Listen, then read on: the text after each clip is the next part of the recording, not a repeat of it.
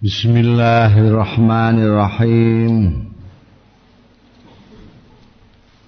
Qala An Abi Hurairah radhiyallahu anhu anna Rasulullah sallallahu alaihi wasallam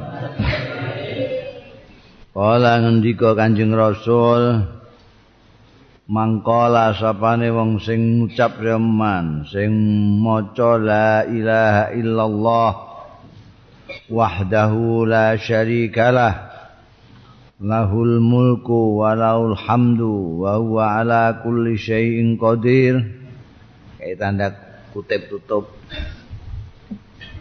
Sapa wong sing maca la ilaha illallah wahdahu la syarikalah lahul mulku wa hamdu wa huwa ala kulli syai'in qadir. Fi kulli yaumin ing dalam setiap hari macane miatan miata marratin. 100 ambalan. La ilaha illallah la syarika lahul mulku wal hamdu wa huwa ala kulli syai'in qadir. Diwaca ping 100 sedina. Kanat ana lahu kedue man adlu. Kanat ana iku lahu kedue mangkola la ilaha illallah mau adlu asri riqabin madani merdekakno 10 budak. Ada 10 budak itu piro regane? Ini karek maca ngono ae. Biyen ana sing njaluk sumbangan mergo apa jenenge? mateni wong arep merdekakno budak iku ning Saudi dijoli denda iku dendane meh kok regane unta. Iku nek 10 sepiro iku wa kutiba lan ditulis dicatet lahu kedue mangkola mau mi'atu hasanatin. Mi'atu hasanatin seratus kebaikan. Wa mukhiyat lan dihapus anhu saking mankola apa mi'atu sayiatin seratus kejelekan dosane seratus dibusek. Wa kanat lahu lan ana lahu iku kedue. Man khirzan. Penjagaan minas syaitani saking setan. Yauma zalika ana ing dinane maca iku mau hatta yumsia sehingga sore-sore sapa man? Walam yakti lan ora nekani sapa akadun wong suwiji bi afdhala ingkang luwih utama mimma ja'abi tinimbang barang kang teka sapa mangkola la ilaha illallah bihi kelawan ma illa akadun kejaba wong suwiji amila kang ngamalake ya akad aksar ingkang luwih akeh min dalika saing mengkono-mengkono satu sehari. Apal lagi gue satu sehari maca la ilaha illallah wahdahu la syarikalah lahul mulku walal hamdu wa huwa ala kulli syai'in qadir. Iki mbok waca ping 100 sedina iku mau. Anjarane mau. Padha karo merdekakno budak 10 terus ijeh ditambah 100 kebaikan, dihapuskan 100 kesalahan, dijogo dari godaan setan satu hari itu. Satu. Terus ini ora dingendikakno satu siku sak berkan apa ora. Jadi iso mbok waca rong puluh rong puluh pendak bar sholat. Gue ae 100 dadi sedina pokoke 100 bar sholat ping rong puluh lima kali sholatan kan 100 iki bangsa ngene-ngene dilakoni. Nggo iprek-iprek zaman akhir iki penting banget. Lebih penting dari zaman dulu ini satu nek eling basalat orang puluh orang puluh nek gak eling engko nek arep turu apa kapan diwaca ping 100 turu ora dikan dingendikakno ning kene kudu denguk-denguk madhep ngulon ya gak ono. Berarti kok maca ambek mlaku ya iso. Ambek turun-turun nah iso ngono iku Pokoknya satu. La ilaha illallah wa la syarika. Lah kecuali nek dikandakno diwaca ping 100 sak dudukan tur suci madhep ngulon nah ngono iku. Nika enteng. An Abdullah ibni Amr radhiyallahu anhuma Iku nek gak mbok lakoni jenenge kuwe duwe ilmu tapi gak mbok ngamalno. Kudu mbok mbok mbok lakoni ku maca. An Abdullah bin Amr radhiyallahu anhu maqala ngendika sapa Abdullah bin Amr ahbar Rasulullah ngabari sapa Kanjeng Rasul sallallahu alaihi wasallam. An yaqulu ukhbira dikabari sapa Rasulullah. Ukhbira ya Kanjeng Nabi ku ana sing ngabari mbok sapa sing ngabari? Pokoke dikabari sapa Rasulullah sallallahu alaihi wasallam. Dikabari ani setuhune ingsun iku aku lu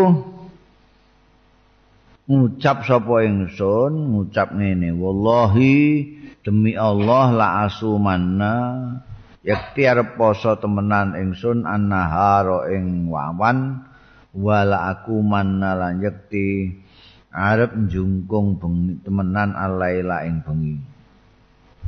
Ma istu selagine urip sapa ingsun. Anjen Abdullah bin Amr iki hobine ibadah. Tau muni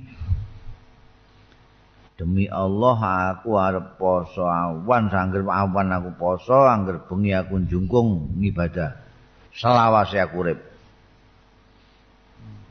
dadaan ngendikane Abdullah bin Amr ngene iki sampai ning gone Kanjeng Nabi Kanjeng Nabi dikabari niku Abdullah bin Amr sumpah kok angger dina ameh poso nek angger bengi arep njungkung sak masa hidupnya.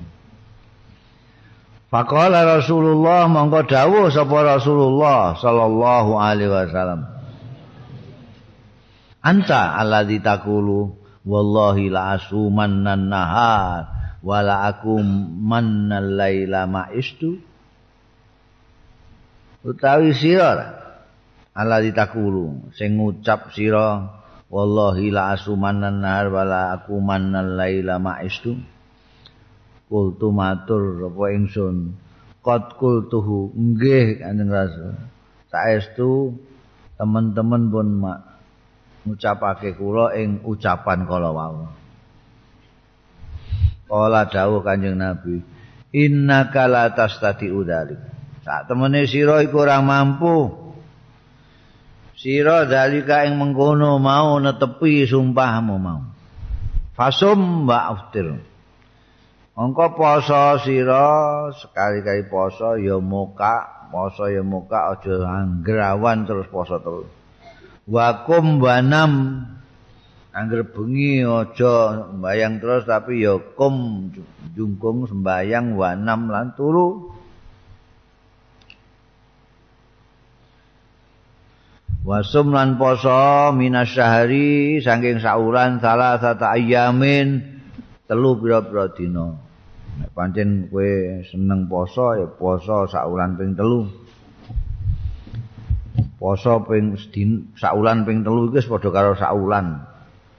Mergo ganjarane siji iku padha karo 10.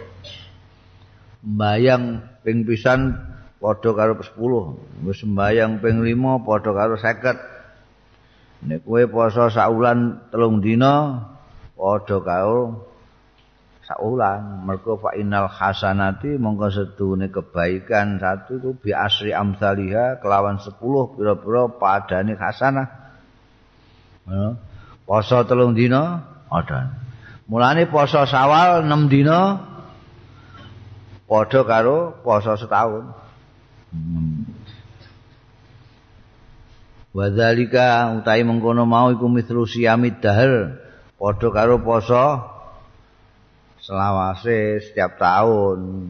Mereka saben bulan telung puluh. Saben bulan telung puluh. Berarti pada kalau poso terus tau hmm. ngelakoni ini cuma tiga hari. Kan enak itu. Jadi anjing nabi meremak fakultu mongko isih ngeyel matur sapa ingsun ini utiku afdhala min dzalik stune kula niku utiku sanggup kula kuat afdhala ingkang langkung utami min dzalika saking poso tigang dinten sak wulan poso kok namung tigang dinten sak wulan kula langkung saged kula. Kala dawuh sapa Kanjeng Nabi nek ngono ya fasum yauman wa aftir yauman Ngono ya sah poso sedina, muka sedina. Au awaftir yaumen. Fasum yauman wa aftir yaumen. Kowe poso sedina, muka rong dina. Pakul tu mongko matur sapa ingsun. Ini setune kula niku utiku. Kiat kula afdol ingkang luwih utama mindalika saing mengkono-mengkono poso sedina, muka rong dina. Kala ngendika Kanjeng Nabi fasum. Nek ngono ya poso sira yauman sedina wa aftir lan moka sira yauman sedina. Wa dzalika utahi mengkono-mengkono poso sedina moka sedina iku siamu Dawuda posone Dawud. Wa huwa a'dalus siyam wa huwa utawi posone Dawud iku a'dalus siyam api-apike poso, jejeg-jejege poso. Isa matur kurtu, matur sapa ingsun. Inilah uti. Ini sedune kula niku utiku. Kula kuat afdol ingkang langkung afdol min zalika tinimbangane posone Daud. Ya Rasulullah. Kala dawuh sapa Kanjeng Rasul, la afdola. Ora ana sing luwih utama min zalika saing mengkono-mengkono pasane Nabi Dawud. Wes iku wis paling puncak, main poso piye poso saben dina. Iki Kanjeng Nabi dadi eh uh, Abdullah bin Amr iku hobine pancen ibadah. Dipremakno mulai yang paling ringan mek Kanjeng Rasul sallallahu alaihi wasallam tetep ngeyel njaluk sing berat Iku dilakoni tenan tapi mbekan sahabat Abdullah bin Amr angger anu poso sedina muka sedina poso sedina muka sedina. Tapi bareng beliau wis sepuh sekelingan iki kan. Aku biyen dipremakno Kanjeng Nabi sing ngenteng ra gelem. Aku terus ngeyel njaluk sing abot. Zaman aku isih enom ya kuat aku. Saiki wis tuwa ngene iki.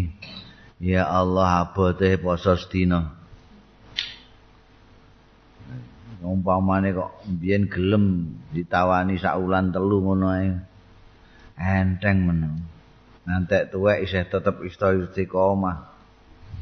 Saiki ngoronge kaya ngene. Kelingan dawuhe Kanjeng Nabi. Nabi itu Kanjeng Nabi itu seneng nek kita itu ngamal itu ora lah anggere istiqomah. Angger sithik lah angger terus menerus lebih baik daripada banyak tapi dantek An Abdullah bin Amr radhiyallahu anhu qala anhuma qala ngendika sapa Abdullah bin Amr qala lin Nabi ngendika limarang ingsun sapa Nabi Kanjeng Nabi sallallahu alaihi wasallam. Ahabbu asyami utai luweh didemeni ning sembayang ilallahi marang Gusti Allah azza wa jalla. Iku siamu Dawud pasane Nabi Dawud alaihissalam. Ana ana sapa Nabi Dawud iku yasumu yauman poso Nabi Dawud sedina wa yuftiru lan moka sapa Nabi Dawud yauman sedina. Wa ahabbu sholati utai luwe didemeni ning salat ilallahi marang Gusti Allah iku salatu Dawud sembayange Nabi Dawud. Kana ana sapa Nabi Dawud iku ya namu nisfal lail. Sare setengah wengi, tengah wengi sare jam 12. Wa yaqumu sulusahu lan wungu sapa Nabi Dawud sepertelane wengi. Wa ya namu lan sare sapa Nabi Dawud sudusahu seperename malam iku ibadah Nabi Dawud posone sedina poso sedina muka bengine separo bengi sare sepertelon salat seper seperenamnya sare meneh. Anabi Dzarrin radhiyallahu anhu qala ngendika sapa Abu Dzarrin Kultu matur sapa ingsun ya Rasulullah ayu masjidin wudia awala utawi pundi masjid niku wudia dipun bangun awala ing dalem kawitane. Masjid ingkang pertama dipun bangun menika masjid napa Kanjeng Nabi? Ola dawuh sapa Kanjeng Rasul al Masjidul Haram. Masjidil Haram Mekah kultu matur sapa ingsun summa ayun lajeng pundi kanjeng rasul qala summal masjidul aqsa mongko keri masjidil aqsa ning gone palestin. Kultu matur sapa ingsun kam kana bainahuma? Niku pinten kana ana jarake bainahuma antarane pembangunan yang pertama Masjidil Haram lajeng Masjidil Aqsa. Kala dawuh Kanjeng Nabi arbauna atang puluh tahun, patang puluh tahun setelah Masjidil Haram didirikan oleh Nabi Ibrahim terus Masjidil Aqsa. Tuma kai tuma adrokat ka fasoli kok masjid-masjid barang kelah apa? Tuma keri-keri kai tuma adrokat ka ana ing endi wae metuki ing sira apa salat ka ing sira? Adrokat ka iku rujuke ning salat. Kapan wae mentuki salat ka ing sira? Fasoli mongko salat sira wal ardu tawi bumi kabeh iki laka kanggo sira iku masjidun masjid. Dadi kowe pokoke nek ning diae pas wayahe salat ya salat ae ora usah golek masjid sing utama dhewe ndi ora goleki masjid sing paling apik sing paling ora usah. Ning diae kowe pas ngepasi wektune salat teko ndang salat bumi iki kabeh masjid kok. Nah ya. An Abi Hurairah radhiyallahu anhu anin Nabi sang Kanjeng Nabi sallallahu alaihi wasallam.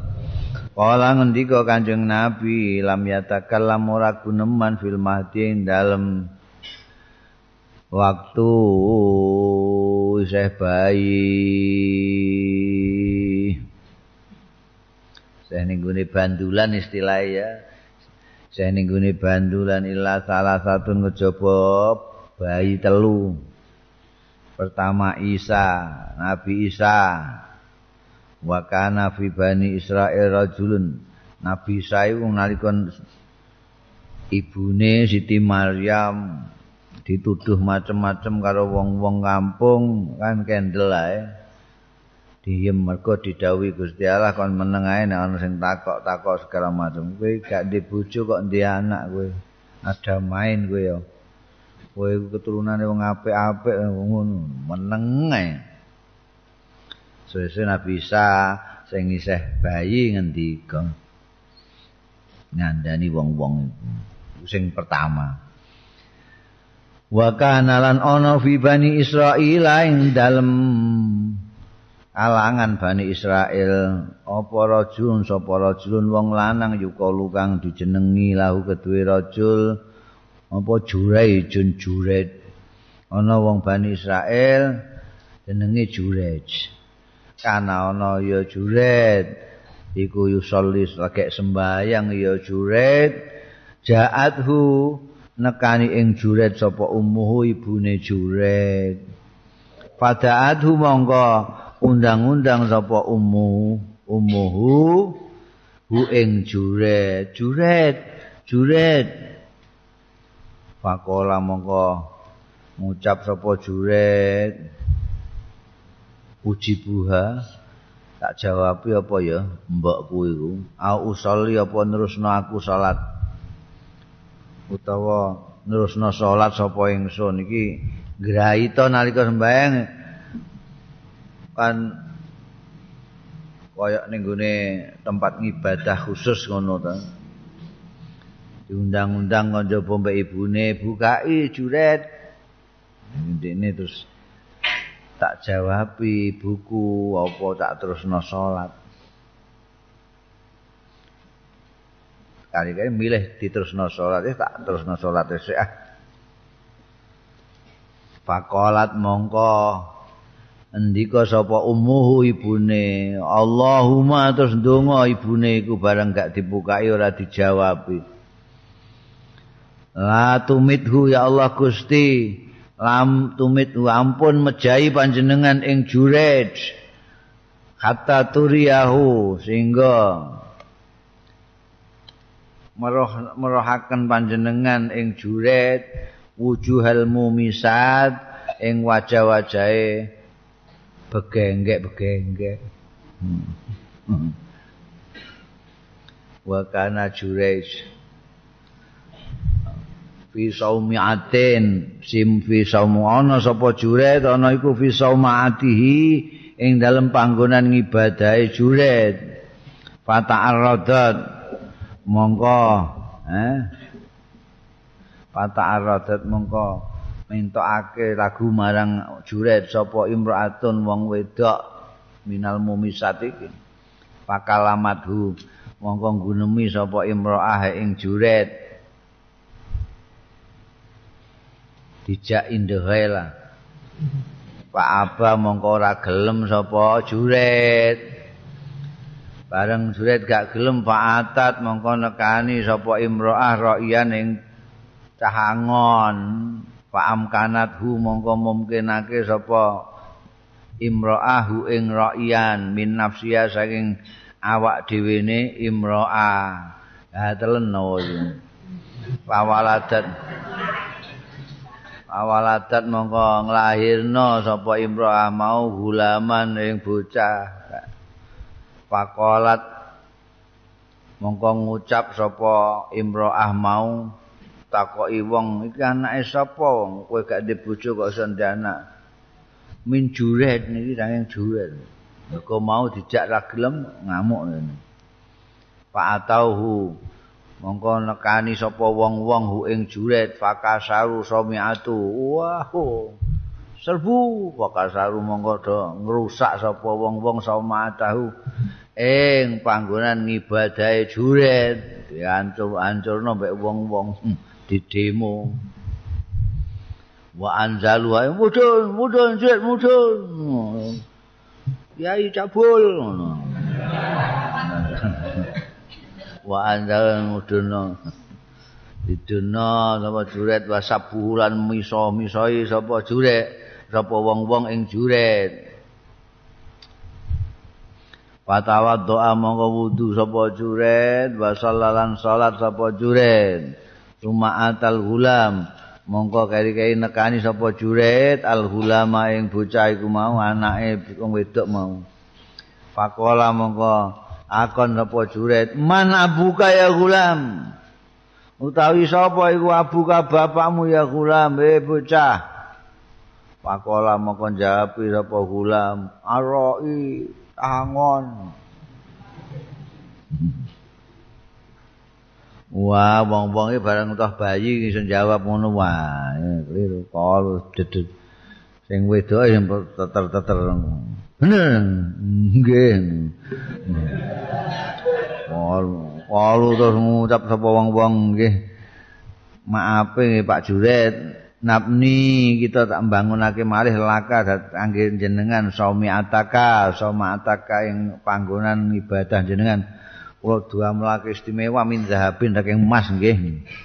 Ola la ora usah ila mintinin kejaba saka tin saka lempung ae kaya mau-maune dihancurno. Julen. Iki mulane terus ulama-ulama itu berbeda pendapat. Iki antarane mbok karo salat. Berarti antara mbok karo Gusti Allah. Piye nek lagi salat terus diundang mbok e. Iku apike jawab mbok apa nerusno salat? Nek salat iku salat sunat kabeh sepakat ya kudu dibadalno salate. Mergo salat sunat iku sunat wong jenenge salat sunat. Salat sunat iku sunat. Ngabekti karo mbok iku wajib. Dadi nek lagi sholat sunat kowe kok diundang-undang ibumu ya kudu ibumu. Dalem Bu. Rak batal sholat, batal gak apa-apa. Lah nek saiki saka salate fardu berbeda pendapat. Berbeda pendapat. Nek kaya Imam Syafi'i ya tetep dibadan. Nek pancen apa jenenge isih ana wektu yang dawa. Nek wektune wis nyumpek nek dibadalno wektune entek. Lagi dimenangno salate. Nek cari Imam Syafi'i. Kowe salat misale salat maghrib. Salat maghrib kan cekak banget sedelok iku wis isya. Wis meh ngadepno wayahe isya diundang-undang ibumu. Nek mbok badalno kowe engko ya kelangan maghrib Nah iki kon nerusno sembahyang maghrib. Nek cara sapi. Tapi nek isih waktunya lodang ya batalno salat kuwi. Untuk nyambut ibu ibu.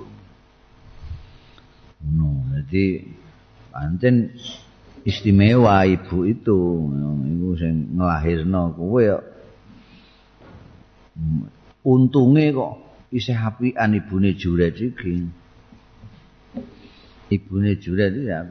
Lah kok mok muni latumit hu hatta turya. Wujuan mok supaya ampun jenengan pundut niku anak kula Juret nek dereng nyawang begenggek. Mergo iku ahli ibadah. Ibadah terus wah ketemu wedokan gak tau blas. Ketemu malah merayu dan Iku dungane mau ngono tok. Lah nek didongakno sing muga-muga ya Allah Gusti ampun jenengan pundhut sak derenge main kali begengge. Loh. Payah iki. Ini hadis lain dengan dikakno kanjeng Nabi Muhammad sallallahu alaihi wasallam. Dengan dikakno nek umpamane juret iku pinter iki nduduhno nek juret itu mau ahli ibadah tok. Tapi orang alim ngalim. Ini iso. Memenangkan piye carane supaya tidak kesulitan dalam problem mbek mbok iki. Ini bisa nyuwara banter dedono nek ini salat. Apa nek sembahyang sunat ini iso batalno wong kadang-kadang wong sing gak ngalim itu mengira bahwa sesuatu itu lebih afdol dari sesuatu. Mergo kelihatannya kok iki lebih berat, iki kelihatan ringan, mbok menawa ya sing berat iki sing afdol. Kadang-kadang ngono wong mikir iku. Padha karo wong sing buka ah ngongko ae buka iku. Masane buka ngongko iku luwih afdol. Padahal luwih apik sing buka ndang gagenan.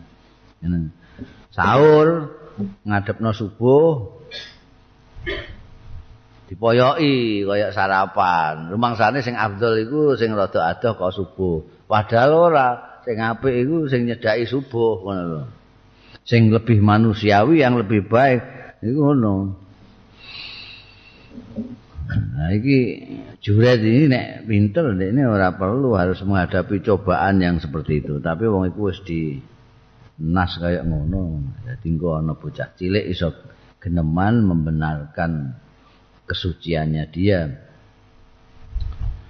eh, eh. sing ketiga wa kanat imraatun lan ana sapa imraatun wong wedok tuldi unyusani sapa imraah ibnan ing anak lah ketuwe imraah mimbani Israel saking bani Israel jadi cerita tiga iki saka Bani Israel sing Bani Israel tok sing liyane ya ana sing ora Bani Israel lagi nyusoni anake izmarra ketika lewat biha kelawan imro'ah apa rokibun penunggang kuda zu syarotin kang duweni tanda kebesaran. Wah, ketok kok jenderal itu, bintangnya kok pirang-pirang. Fakolat mongko Dungo sapa imro'ah Allahumma duh Gusti ij'al ibni mugi jenengan dadosaken ibni ing anak kula menika jenengan dadosake mislahu kados jenderal niku.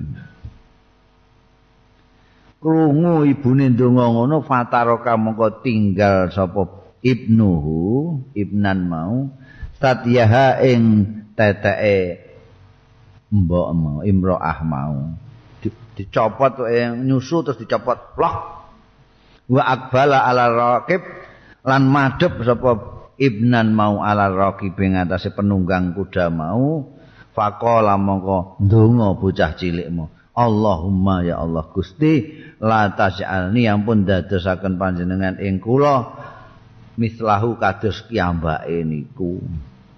Hmm. Bar donga ngono suma akbal banjur madhep meneh ibnan mau bocah iku mau ala satya ing atase teteke mboke imroah meneh. Ya musuh ngecot neh sapa ibnan hu ing sadiha. Ngati mok geneman ngono tok ae, mok ndonga tok terus nyusun neh.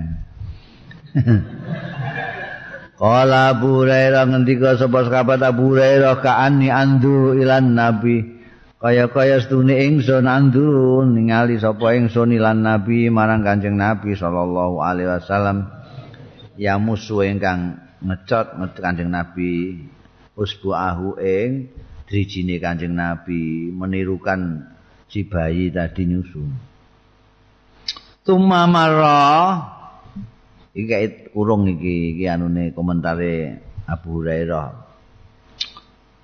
Wis dawuh Kanjeng Nabi terus iki summa marra, summa marra mongko kari-kari lewat bi amatin apa bi amatin kelawan budak wedok? Faqalat mongko Dungo sapa imro'ah mau? Allahumma du Gusti la taj'al ampun dadosaken jenengan ibni ing anak kula.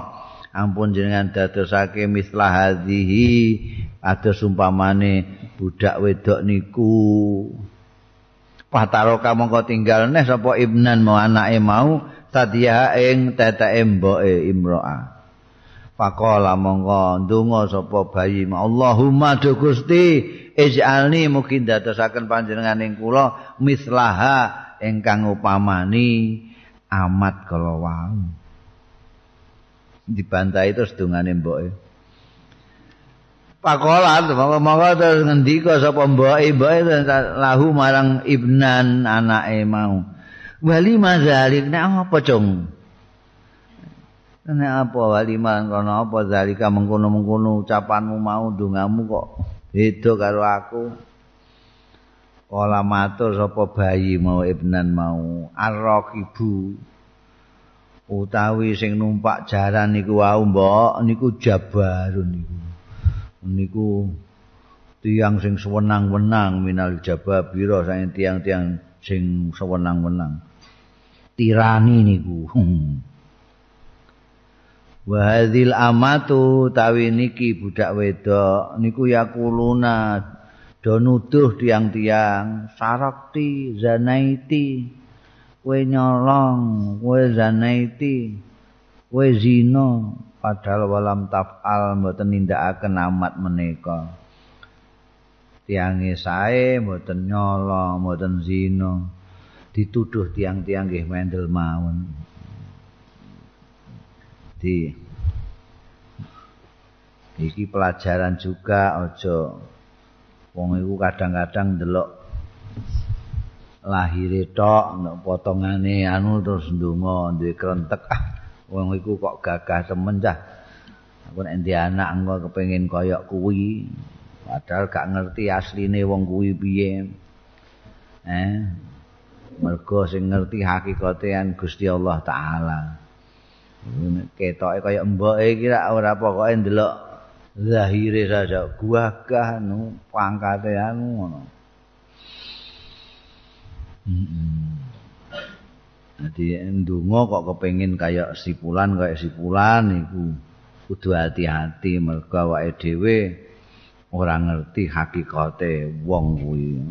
Ana wong sing asale dilem-lem ngantekan sundul langit bar-barane diopoyoki sundul sundul pian.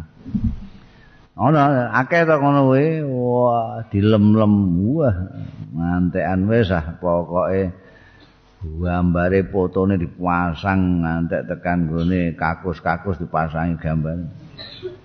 Kari-kari nguri-nguri wah terus dicopoti kabeh gambare diobongi kabeh.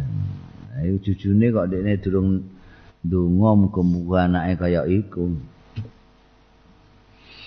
An Hudzaifah radhiyallahu anhu qala ngendika sapa Hudzaifah sami itu nabiyya mireng sapa ingsun an nabi ing Kanjeng Nabi sallallahu alaihi wasallam yaqul ingkang ngendika Kanjeng Rasul inna rajulan setune wong lanang hadarahu iku nekani ya rajul eh nekani ing rajul apa al mautu maut?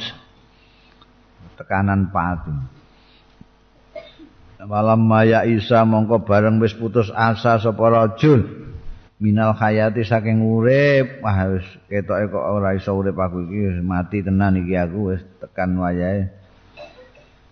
Wis putus asa lah wis gak iso gak iso Auso mongko wasiat sapa rajul ahlahu ing keluargane rajul. Iza ana mitu Mudat kalane ana utawi ingsun iku mitu mati sapa ingsun. Fajma'u mongko do ngumpulno kabeh ya li kanggo aku khatoban ing kayu bakar kasiron sekokeh wa auqidu lan ngurukno sira kabeh ing dalem khatop mau naron ing geni. Hatta ida akalat sehingga tekalane wis mangan ya geni mulai ngobong ya geni lahmi ing dagingku wa khalasat lan tumeka ila azmi maring balungku fam tukhisat fam tukhistu fam tukhistu monggo wis terbakar komplit sapa ingsun? Fakhudhuha monggo ngalapo sira kabeh ing jenazahku. Fathanuha mongko ndeplok sira kabeh dadekno glepung sira kabeh ha ing jenazahku.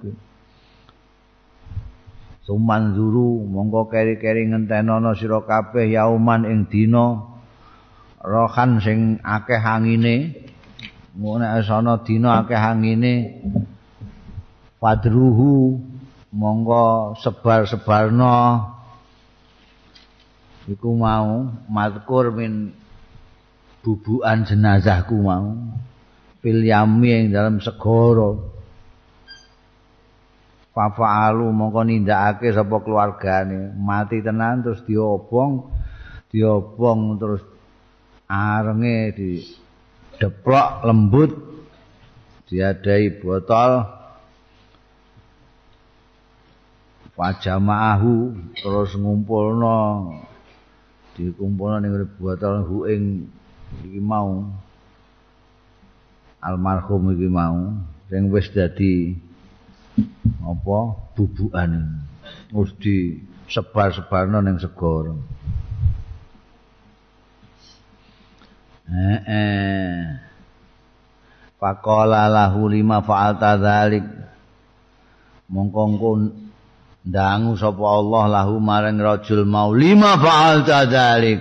Karena apa fa'alta? Nindakake sira dzalika ing mengkono-mengkono. Kok dadak wasiat kon ngobong awakmu? Kon deplok dadi glepung terus disebar-sebarno wayahe angin banter ning gone segara nek angin banter kan penyar-penyar kon Ola matur sapa rajul min khosyatika saking dene wedi panjenengan Gusti. Batine ndekne wong lugu ya disebar-sebar ngono ben gak kecekel ngono. Keterangin asono iku ngumpulno kak suwi mono.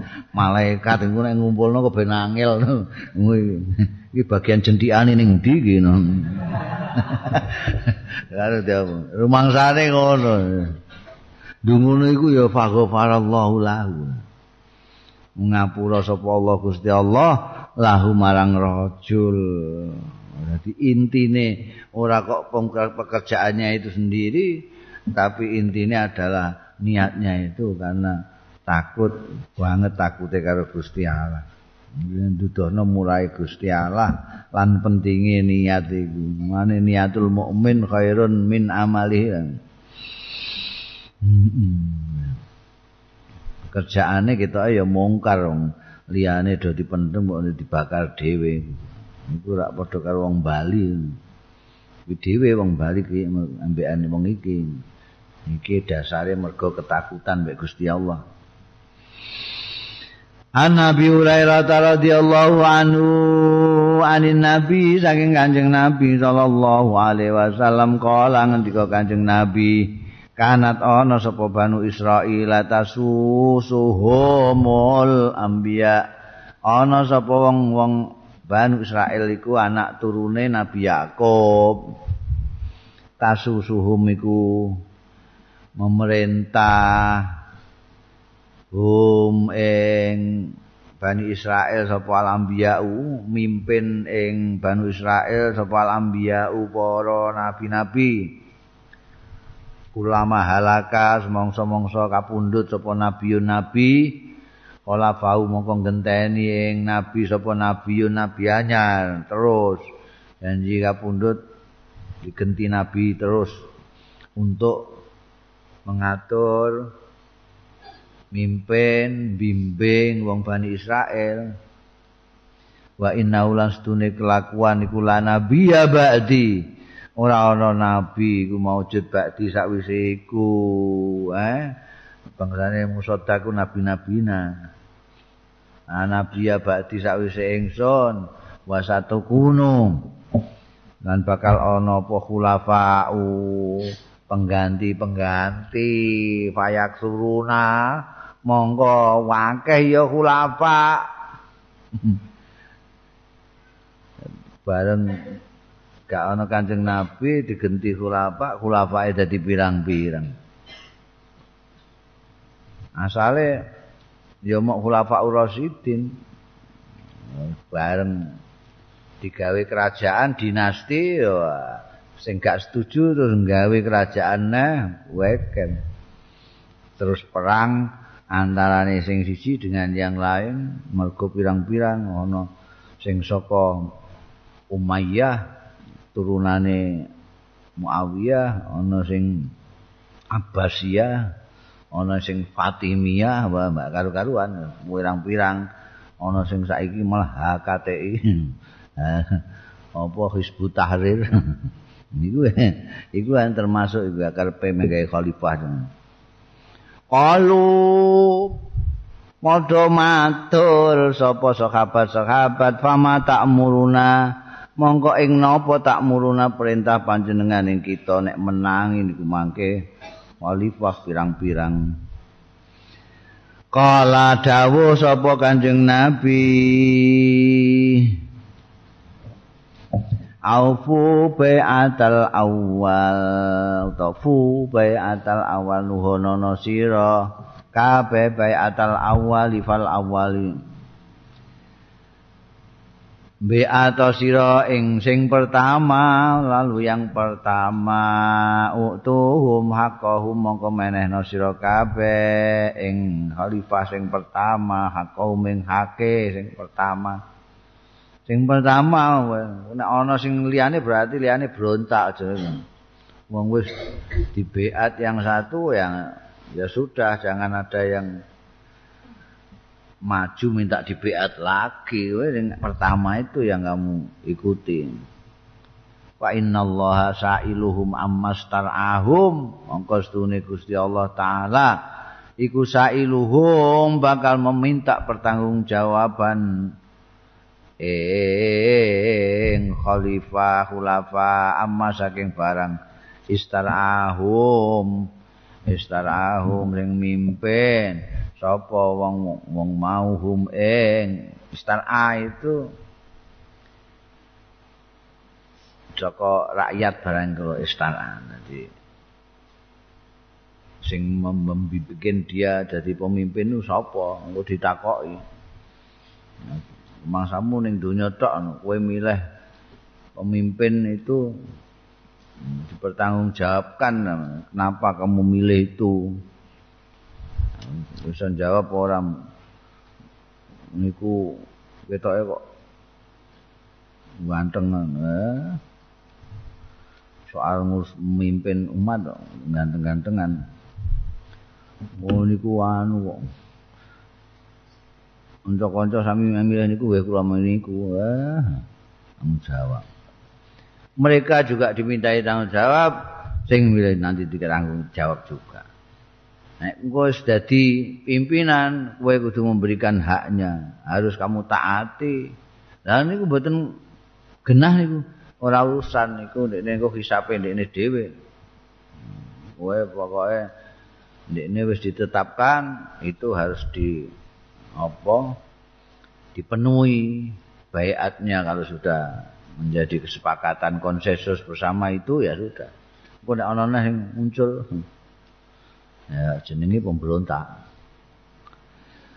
An Abi Sa'idin radhiyallahu anhu anan Nabi yasune Kanjeng Nabi sallallahu alaihi wasallam kala ngendika sapa Kanjeng Nabi latad latadbi'unna sunanal ladina bakal ngetutno temenan sira kabeh sunanal ladina min qablikum ing laku-lakune wong-wong min qablikum kang sadurunge ira kabeh sibran bisibrin. Ing sakilan kelawan sakilan.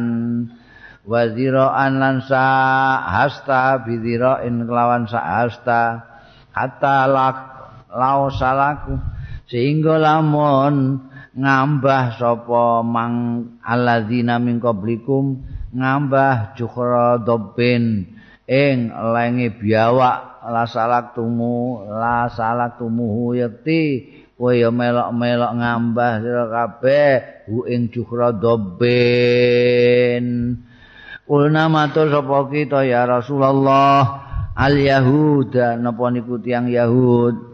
Wan nasara lan tiyang nasrani kanjeng nabi alladzina min qablikum niku. Ora ngendika Kanjeng Nabi, "Faman, ngono sapa neh?"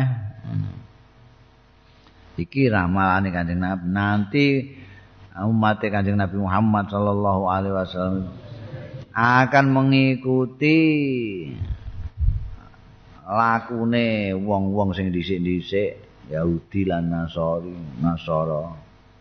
Sekilan sekilan. Kono sekilan kene sekilan. Ono mlaku sak dirok kene sak mlaku saya wah di pas-pasno lah kelakuane iku.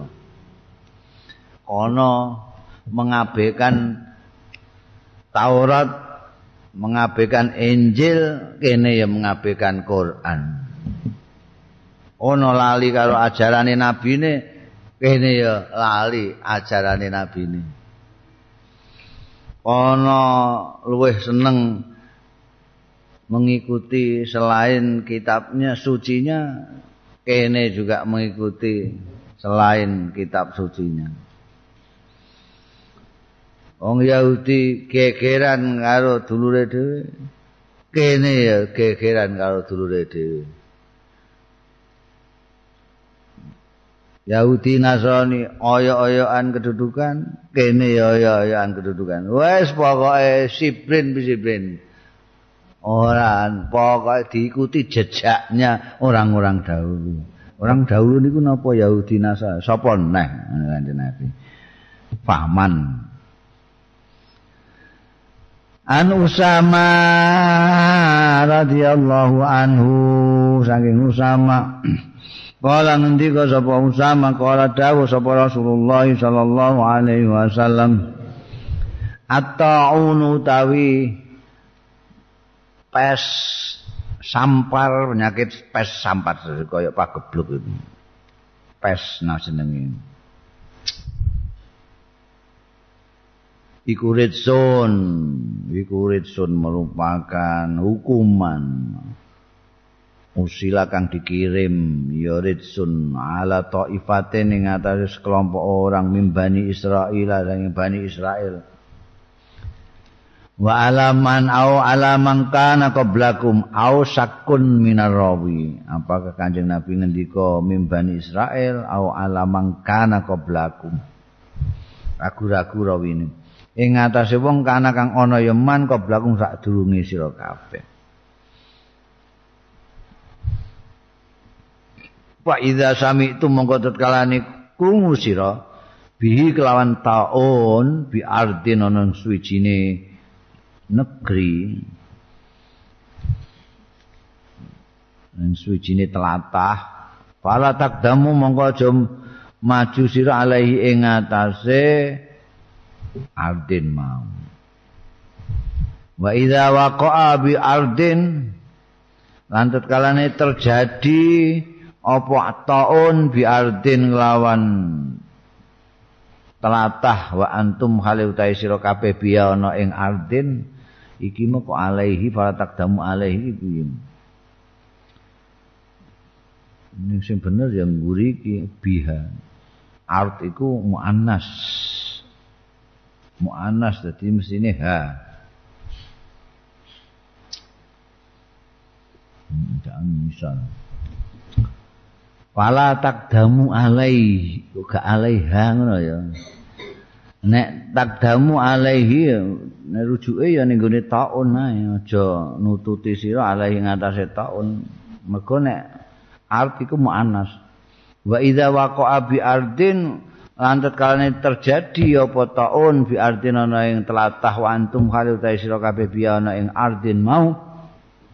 Fala takhruju mongko aja metu sira kabeh firaran krana mlayu minhu saking taun.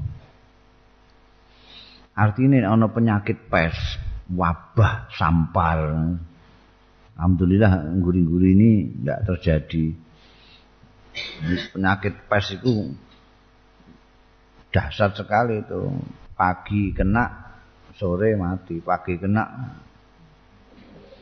Nek kue kerungu, wah terjadi di daerah Anu ada tahun, ada pes, ada sampar.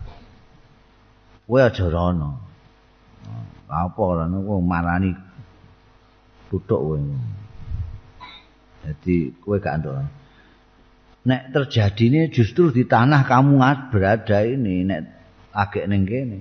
Kowe aja metu. Wah, melarikan diri ya. Ikut pertama nek kowe melarikan diri berarti kowe gak percaya karo Gusti Allah. bahwa sesuatu yang terjadi karena Allah. Kedua, kue bisa membawa wabah itu keluar.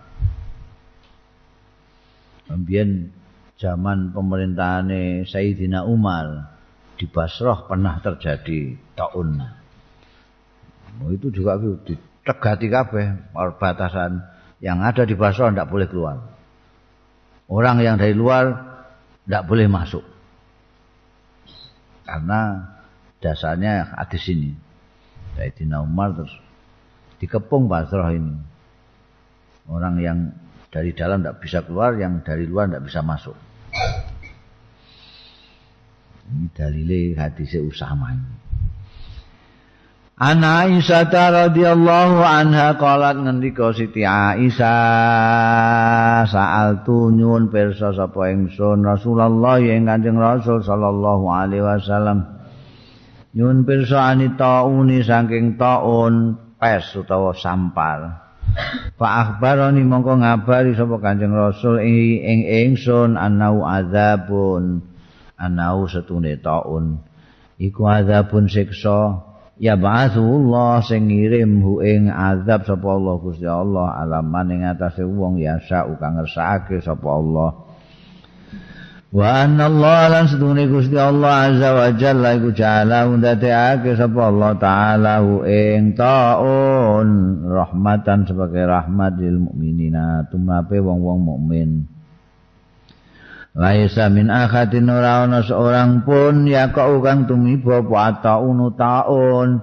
Fayam kusumaka tengok-tengok iya akad mi balbi baladi ing dalem negrine akad sabiron khale sabar muhtasiban tur ngarep-ngarep ganjarane Gusti Allah. Ya lamu ngerti sapa rajul sapa akad anau setune akad anau setune kelakuan iku layu sibuhu.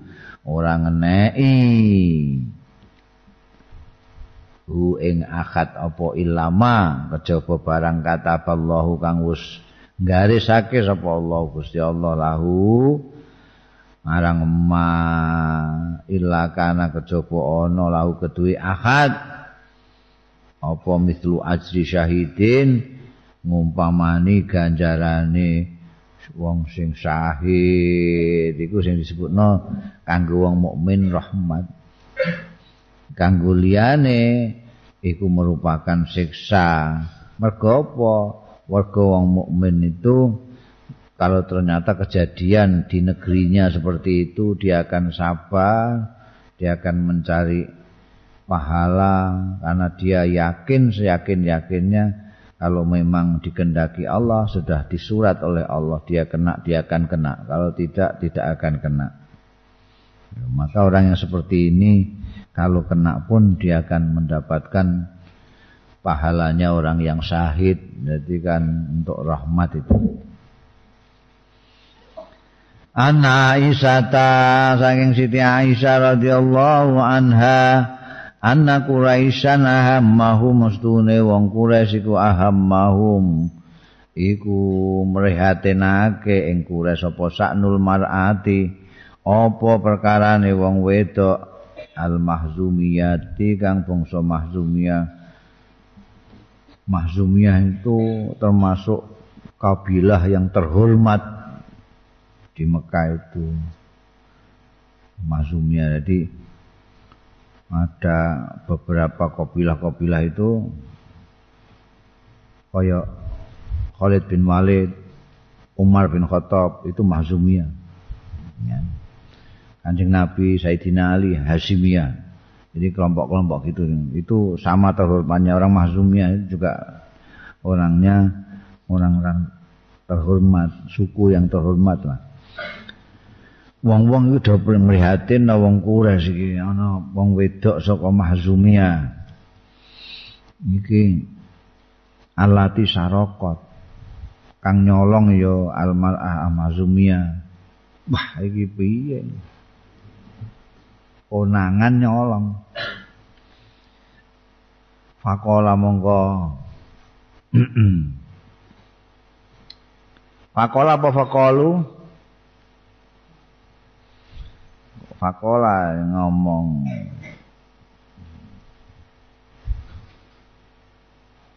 Pantese fakolu pantese. Tapi itu hadis ya, pantes-pantesan.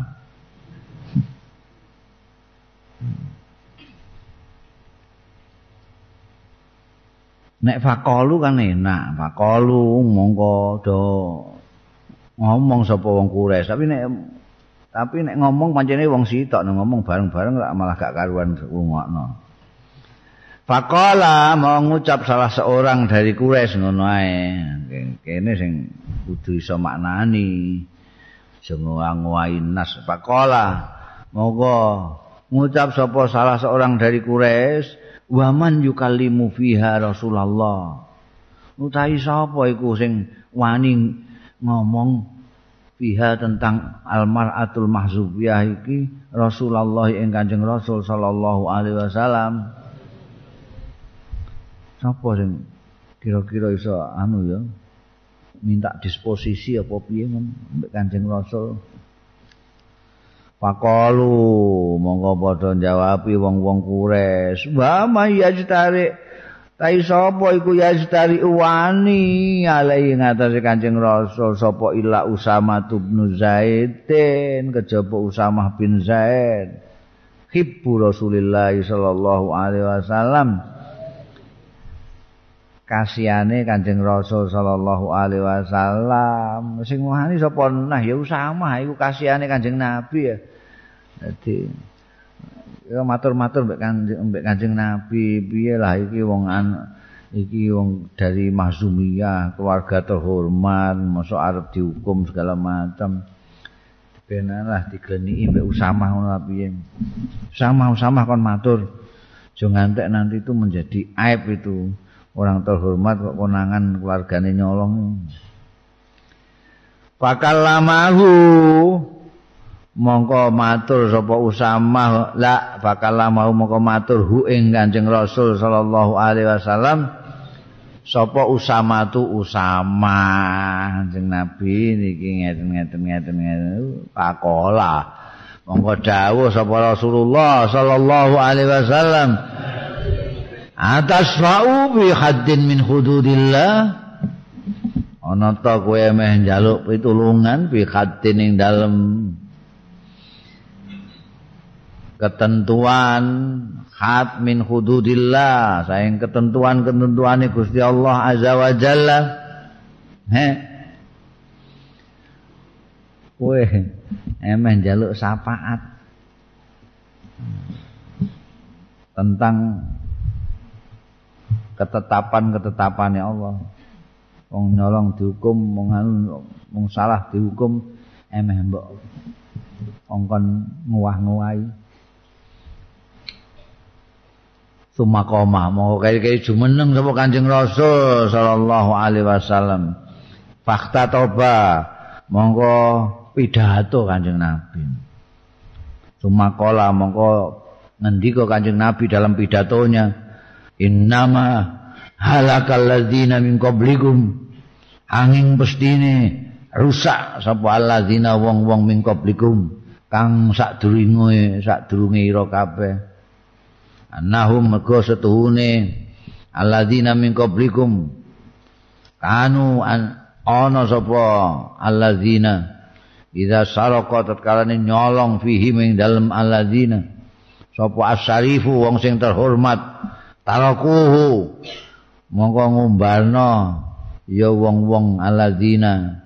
Hu ing syarif. Wa idza saraka lan nyolong fihim ing dalem alladzina sapa ad-dhaif wong sing lemah rakyat jelantah. Akamu mongko jenengake ya alladzina alai ing atase dhaif al hadda ing aturan hukuman. Wa aimullah demi Gusti Allah taala lau anna fatimata iku mau sing wong wedok mahzumiyah iku ya jenenge Fatimah. Jenenge dina Fatimah.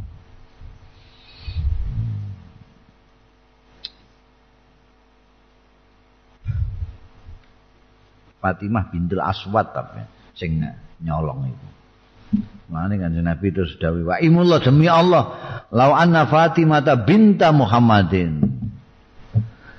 Namun setuhune Fatimah anak wedoke Muhammad. Sarokat kalau anaknya Muhammad itu nyolong lakotok tuh. Aku sebagai rasul akan memutus. Motong sapa ingsun yadaing tangane Fatimah.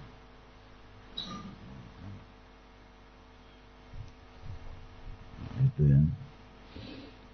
Redakan kata-kata kanjeng Nabi itu terpilih betul orang muni Fatimah ibnata Rasul ibnata Muhammadin. Ini sarakot di anaknya Muhammad. Sebagai Rasul saya harus menegakkan aturan. Tegas iku.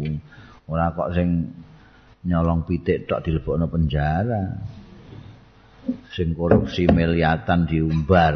Iku sing makna rusak ya kuwi. Padha karo zaman kuno. Zaman biyen sing rusak ya ngono kuwi. Aturan sing kaya saiki. Sing dipilih sing lemah-lemah saja yang dimasukkan buen sing dihukum sing terhormat-terhormat itu ora tahu kena hukum. Jadi hukum bukan milik bersama tapi hukum miliknya wong-wong sing terhormat-terhormat iku. Eh, mulane kowe dadi wong terhormat ben gak kena hukuman.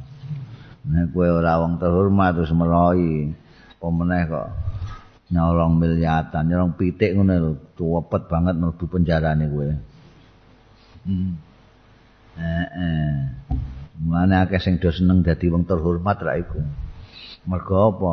Mergo iku bebas terhormat ora kena ketentuan-ketentuan hukum.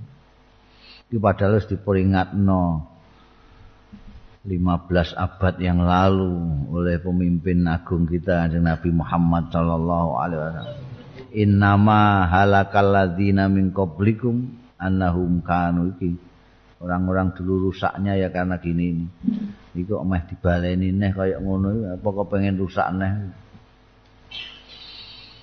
An Ibnu Umar radhiyallahu anhu ma anna Rasulullah sallallahu alaihi wasallam qala ngendika sapa Kanjeng Rasul baina ma rajulun nalikane seorang laki-laki ya juru nyeret-nyeret ya rajul izarahu ing izare pakaiane wong Arab iku mbiyen mok loro tok izar bagian ngisor terus ambekan dhuwur. Dhuwur iku apa jenenge? Kan pakaiane loro. Izar mlane kiai-kiai kuno dimaknani sarong. Mergo sarung ku ya panggilan pakaian ngisor. Ngisor izar dhuwur ridak diseret-seret. Ngejobah ngono seret kena apa seret minal khulaya khuyalai saking dene sombong. Niru zaman Nero niku. Roma kan iku pakaiane delewer diseret ngono kan mbek nyaponi mbek nyaponi lemah ngono. Ngono ketoke anu gagah ngono. Nah, dianune didawakno. Nyajur izar min khulala khusifa lagi gemblelengan nyeret-nyeret pakaiane. Ngono khusifa dibusek sapa rajul? Dibusek bi apa bi rajul? Bahwa mongko utahe rajul iku ya tajal-jal klejotan fil ardi dalam bumi. Ya tajal-jal klejotan ameh ditarik mengisor ora gelem. Tek tek tek tek ila yaumil kiamati tumekaning dina kiamat ya. Lagi sombong-sombong.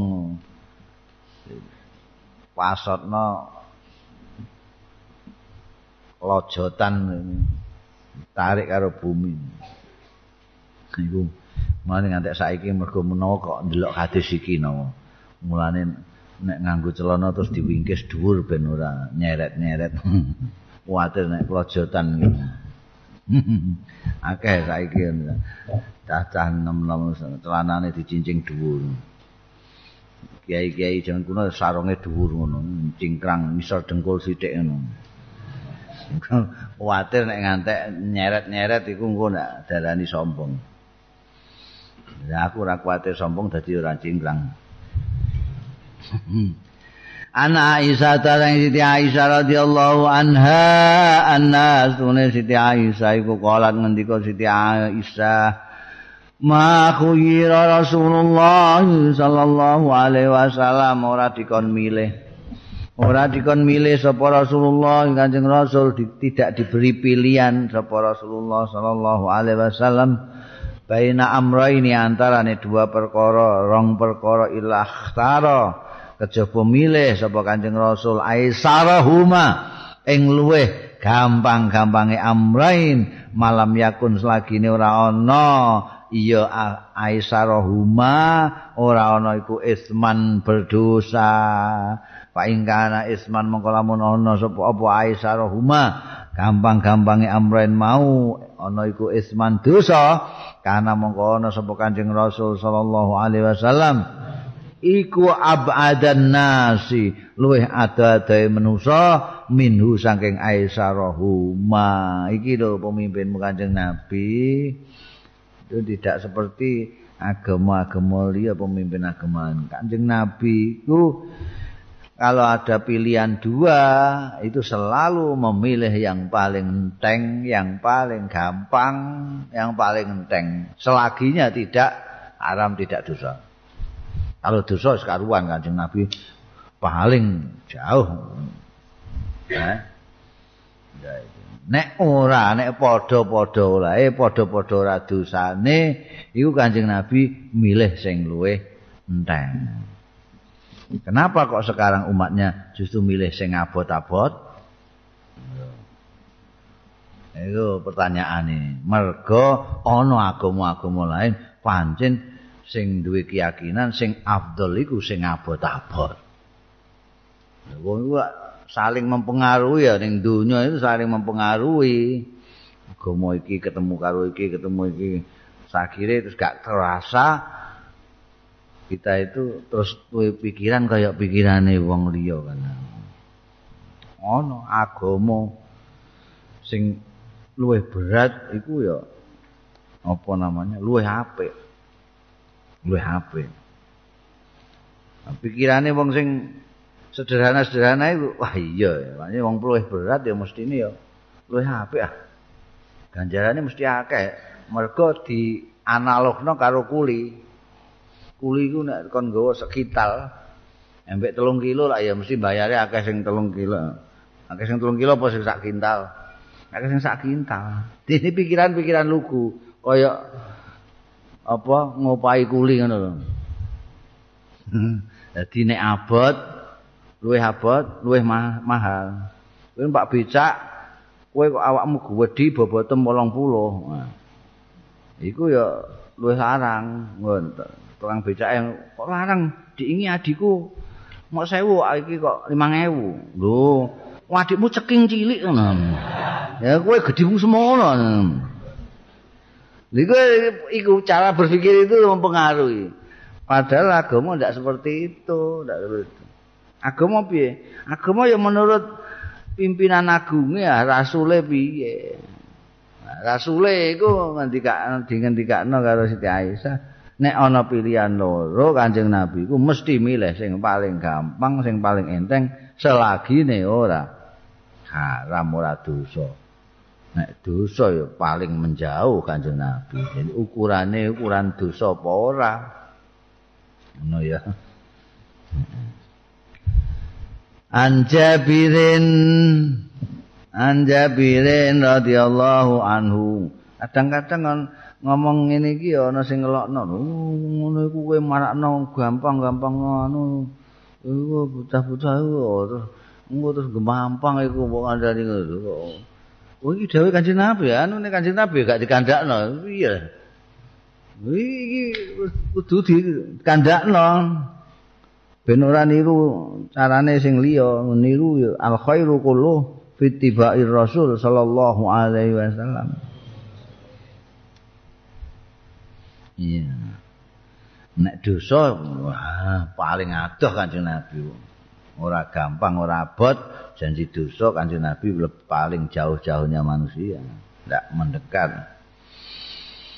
An Jabirin saking Jabir radhiyallahu anhu kala ngendika sapa sahabat Jabir? Lamma khufira. Nalikane dikedhuk apa al khondaku parit khondak akan perang Ahzab.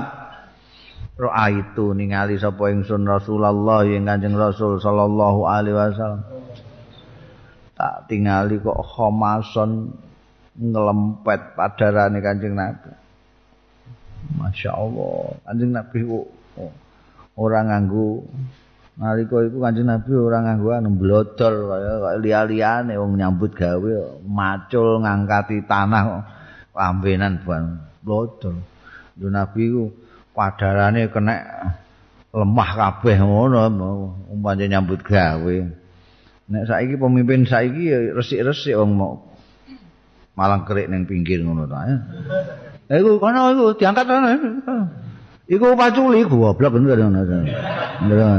ya mesti resik dhewe nek kanjeng Nabi ora njegur di dalam bersama-sama dengan anak buahnya terus ketok tak awasi ke Masya Allah padahal ini kanjeng Nabi ngelempit ngelempit ngelempit ngelempit wetok tenan. Nek ngempet lho iku mosok gak kerasa lesu ngono iku weteng ngono iku Masya Allah Pangkafaitu ila imraati mongko aku balik aku aku tak mulai sik pangkafaitu mau balik sapa ingsun ila imraati marang bojoku fakultu mongko pondo aku karo bojoku.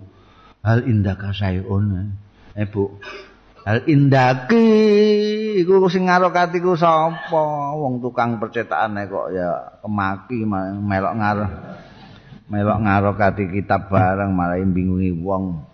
Hal indaki sayun ana to indaki ana sandingmu sayun suci-wici kowe ndi apa bu he kowe ndi apa? Pak ini mongko stune ingsun. Iku ro itu ningali sapa ingsun? Bi Rasulillah kelawan Kanjeng Rasul sallallahu alaihi wasallam. Aku ningali khomason ing ngelempet sajidan masyaallah ngelempit banget padarane Kanjeng Nabi. Kowe ndi apa ini? Pak akhrajat mongko ngetokno sapa? Imraati ilaya maring ingsun jaroban ing wadah jarob itu wadah saka saka lulang fihi ku tetep ing dalam jarob saun min syair sak tok min syairin saking gandum walana lan iku kedue kita buhaimatun utawi buhaimah ora bahi Buhaimah iku tasgir cuwilik. Hmm. Ana cempe cilik. Dajine ning ya dajin itu ingon-ingon oman iki lho. Penting ning omah kadang-kadang ana pitik, ana wedhus. Iku jenenge dajin. Ingon-ingon. Petetanan. Cempe cilik. Dajin. pada waktu kamu kau nyembelih sopo ingsun ha ing buhaima wa tohanat lan apa ndeplok sopo imraati asyaira ing gandum mau digawe glepung.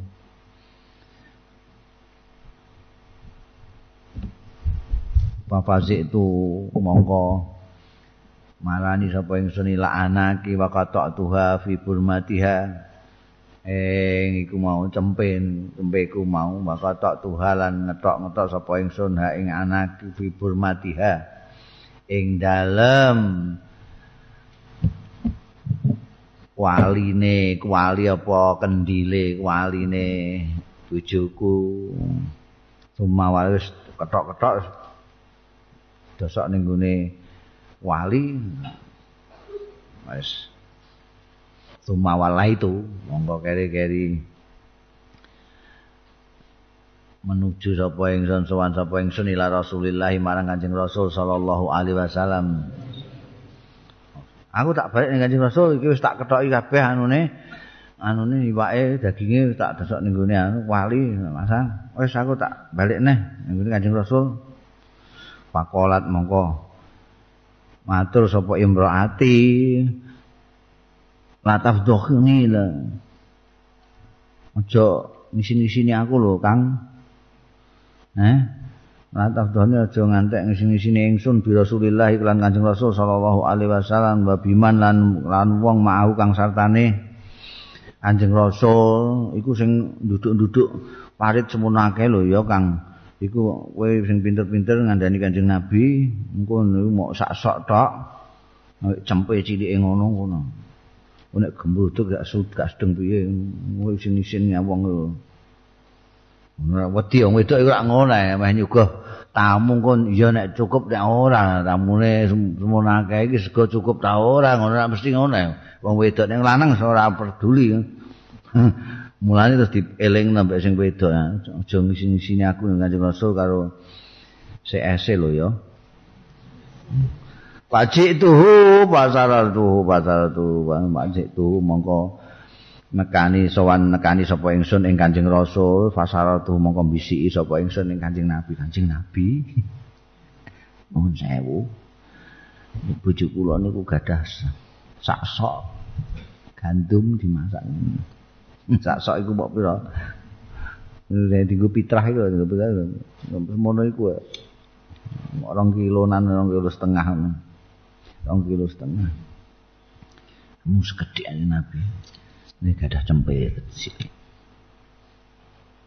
Fakultu mongko matur sapa ingsun lahu marang Kanjeng Rasul ya Rasulullah. Tu Kanjeng Rasul ndabahna buhematan. Kula nyembelih buhematan hmm, cempe cilik.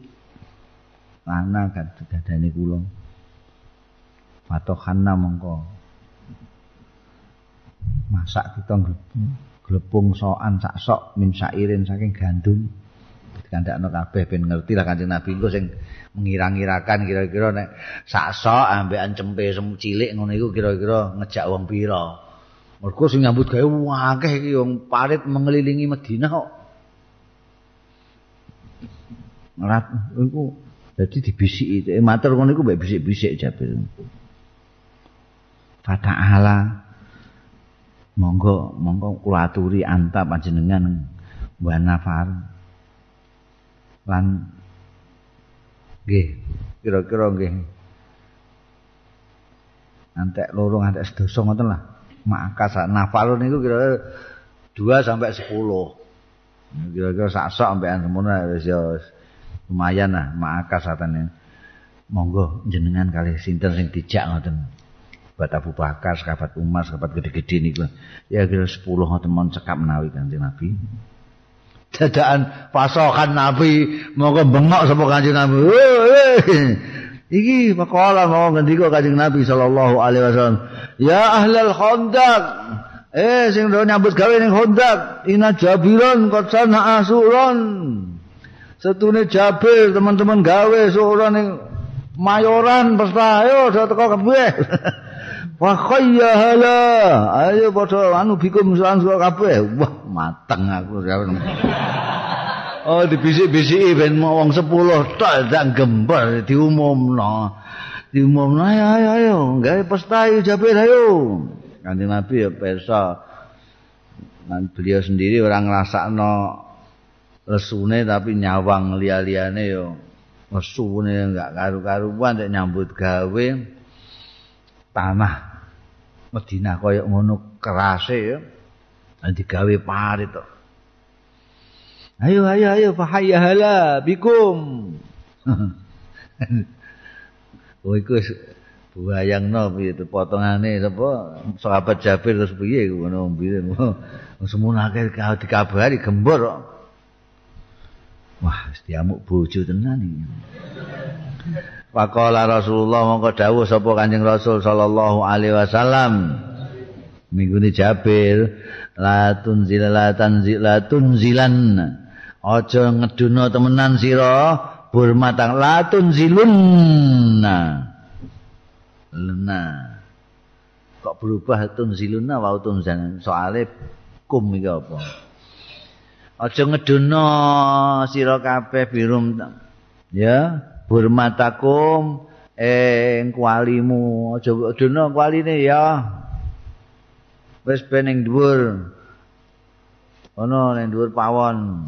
Wala tahbisunna lan aja digawe roti sik. Apa ajinakum wala tahu wala tukhabbizunna ajinakum aja gawe roti ajinakum ing adonan-adonan ira kabeh hatta aji sehingga teko sapa ingsun.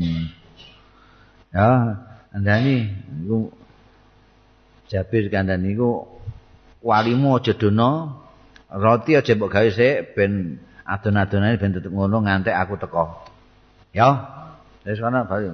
Wajib tu mongko teko sapa ingsun. Wajah Rasulullah lan rawuh sapa Kanjeng Rasul sallallahu alaihi wasallam. Yakdumu disiki Kanjeng Nabi annasa wong menake mau. Kata jitu sehingga nekani sapa ingsun imraati ing bojoku. Mulai dhisik ndelok Kanjeng Nabi rawuh nggawa pasukan menake mateng aku. Pakolat monggo. Akalan mau ngendika sapa imraati bojone Jabir bika bika mbah kowe mbah kowe. Nang. Wes bika.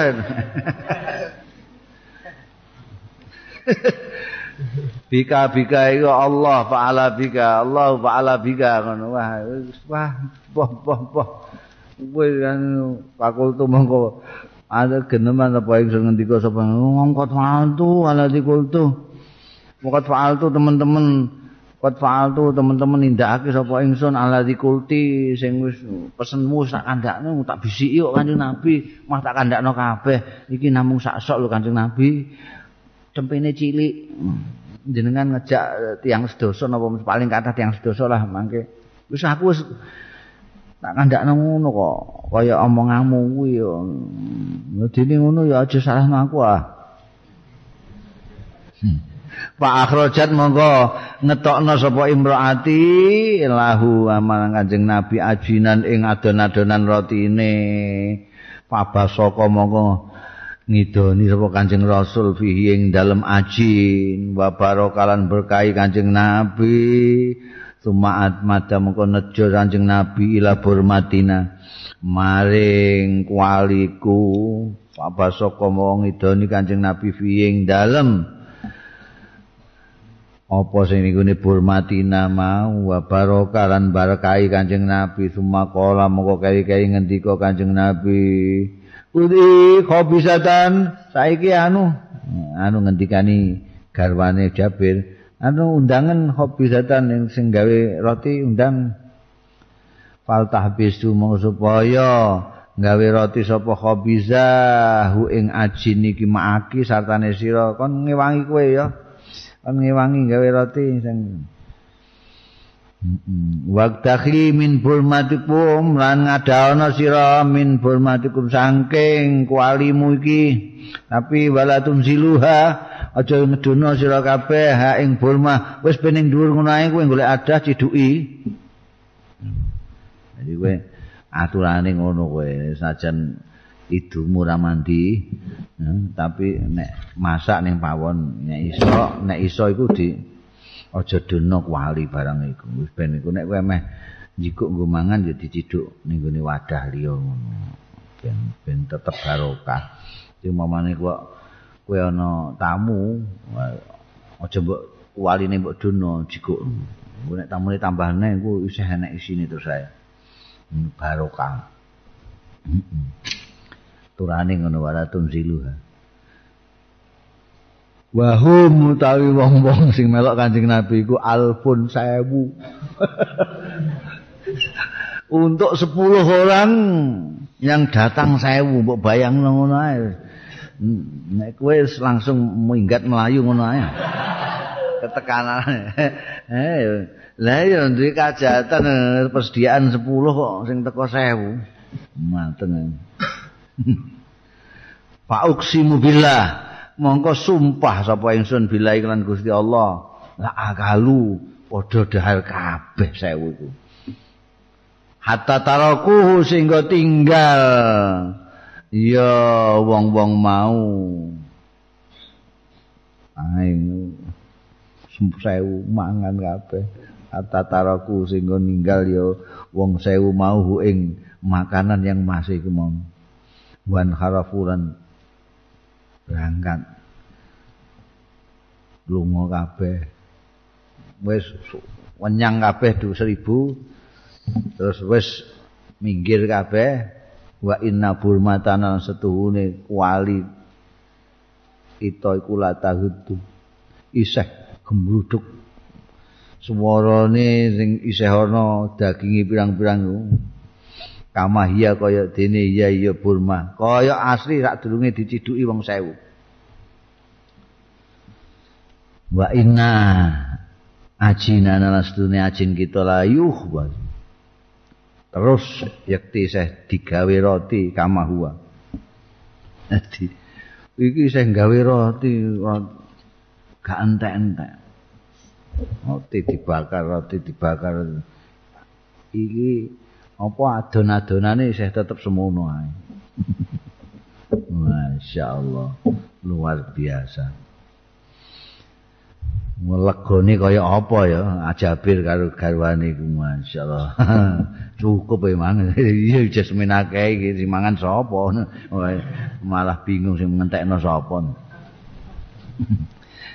An Abi Sa'idin Al-Khudri saking Abi Sa'id Al-Khudri wa Abi Hurairah lan Abi Hurairah radhiyallahu anhu ma anna Rasulullah satune Kanjeng Rasul sallallahu alaihi wasallam istamala rajulan ala Khaibar ngutus nyambut gawe ngangkat pegawe atene ndawi kerja rajulan ing seorang laki-laki ala Khaibar ing atase Khaibar Khaibar itu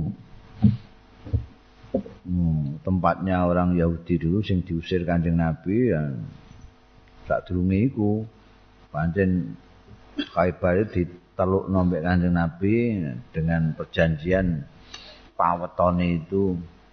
Toko terkenal itu Khaibar itu kan kebonan kebon kurma itu yang terbaik di Madinah itu Khaybar itu. Nah, ini anjing Nabi utusan seseorang untuk bekerja di Khaybar. Faja'ahu bitamrin janib mongko nekani sapa rajulan hu ing Kanjeng Rasul sallallahu alaihi wasallam bitamrin kelawan kurma bitamrin janib bitamri janib. Dan kurma janib itu kurma sing paling istimewa. Kurma sing istimewa. Fakola mongko ngendika sapa Rasulullah Kanjeng Rasul sallallahu alaihi wasallam. Kullu tamrin kullu tamri khaybarin hakada ana ta utawi saben semua kurma Khaibar iku hakada kaya ngene. Kurma Khaibar enak ngene kabeh iki. Kaya ngene apik-apik ngene kabeh. Ola ngendika matur sapa rajulan sing diutus, lak mboten mboten sedaya. Niki wonten sebagian sing pancen istimewa ngeten iki. Janib namine. Wallahi mboten wonten la wallahi ya Rasulullah. Inna stune kita iku lanak khud. Ngerti ngalap kita asoa ing saksok min hadza saking menika bisa aini kelawan rongsok. Dadi ini di nek niki saksok niku sami kali kurma biasa rongsok. Niki kula ijolake rongsok, kula ijolake niki saksok. Bisalah sati kelawan tiga. Telung sak. Pakola moko ngendika Kanjeng Nabi. Aja ngono ah. La tafal. La tafal aja ngono carane kowe ngijolno sing kualitas lebih bagus dengan kualitas yang kurang bagus dengan jumlah iki sak sok iki rong sok ngono. Aja ngono carane. Das pundi? Bik adala sira al jam'a ing keseluruhane bidarahimi kelawan darahim sumabta mongko keri-keri tuku sira bidarahimi kelawan dirham-dirham iku janiban ing sing kualitas janib ngono aturane ngono aja kok terus kurmamu sing elek mbok ijolno iki iki kurma 2 kilo ijoli sing apik iku sak kilo aja ngono aja tukar menukar kurma. Tapi kurmamu iki dol sik payu pira nggo tuku sing janib itu. Itu aturane. No ya.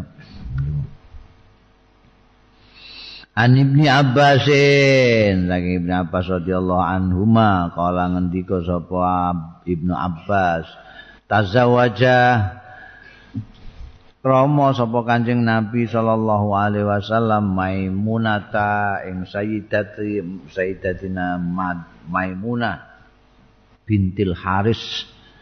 Wa huwa kalau Kanjeng Nabi ku muhrimun nalika iku lagi muhrim lagi ikhram. Wabana lan bangun rumah tangga lagi bangun istilahnya bangun apa? Kumpul kumpul ambekan Maimunah iku pihak lawan Maimunah sapa Kanjeng Rasul pihak lawan Maimunah wa huwa kale utahe Kanjeng Nabi ku halalun wis halal ora lagi ikhram. Itu lho. Dene ikhram ora kena. Dadi mustahalul lagian omah-omah karo Maimunah sadurunge ya ora. Wa matat lan kapundhut sapa Maimunah bisarafin ana ing saraf. Saraf itu antarane Mekah karo Madinah namanya kota di mana Siti Maimunah kapundhut. An Ali bin Abi Thalib saking Sayyidina Ali bin Abi Thalib radhiyallahu taala anhu qala ngendika sapa Sayyidina Ali bin Abi Thalib ba'athan Nabi ngutus sapa Kanjeng Nabi sallallahu alaihi wasallam. Sariyatan ing pasukan. Nek pasukan iku dipimpin Kanjeng Nabi Muhammad sallallahu alaihi wasallam langsung disebut ghazwah nek Kanjeng Nabi ngirim ora mimpin sendiri tapi ada pemimpin yang ditunjuk Kanjeng Nabi jenenge Sariyah. Ngirim sapa Kanjeng Nabi sariyatan ing pasukan was lan ngangkat pegawe sapa Kanjeng Nabi rajulan ing seorang laki-laki minal ansori saking ansor. Wa amarahum lan perintah sapa Kanjeng Nabi ing sariyah iki mau ayuti uhu ento naati sapa sariyahu ing rajulan. Jadi arep berangkat no pasukan iki satu dari ansor diangkat. Ini komandanmu iki ya iki ditaati semua anunya instruksinya kudu mbok taati iki komandane. Dan pasukan nek gak ana komandane iso kacau mergo kabeh dadi komandan tunjuk seorang kemana iki mau ditaati ya. Wes barang wis berangkat no, pagodiba niku dadakan muring-muring ku rajulan mau. Pakola moko ngucap sapa rajul mau alaisa amalakumun nabi? Ana to? Ora wis perintah ing sira kabeh sapa nabi kanjeng nabi sallallahu alaihi wasallam. Antutiuni yen to naati sira kabeh ingsun eh Eh, ngamuk-ngamuk. Kowe tak dawuh kanjeng Nabi kon taat karo aku kabeh to? Qalu bala, nggih, nggih.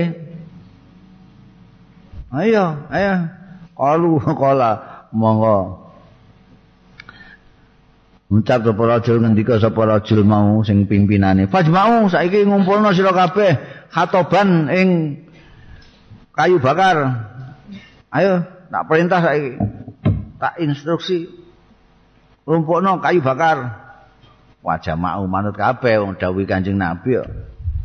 Dimo dawuh kongkon taat ya taat. Ngumpulno apa wajah mau mongko ngumpulno sapa syariah mau ngumpulno ing khatab Pakola mongko ngucap sapa rajul.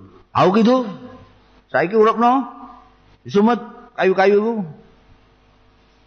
au dunaran ing geni. Pak okaduhu mongko ngurupake apa syariah ing nar gawe api unggun mau kayu mau sing dikelompokno faqala moko ngucap sapa syariah eh faqala ngucap sapa rajul udkhuluha Saiki jegura sira kabeh ha ing nar.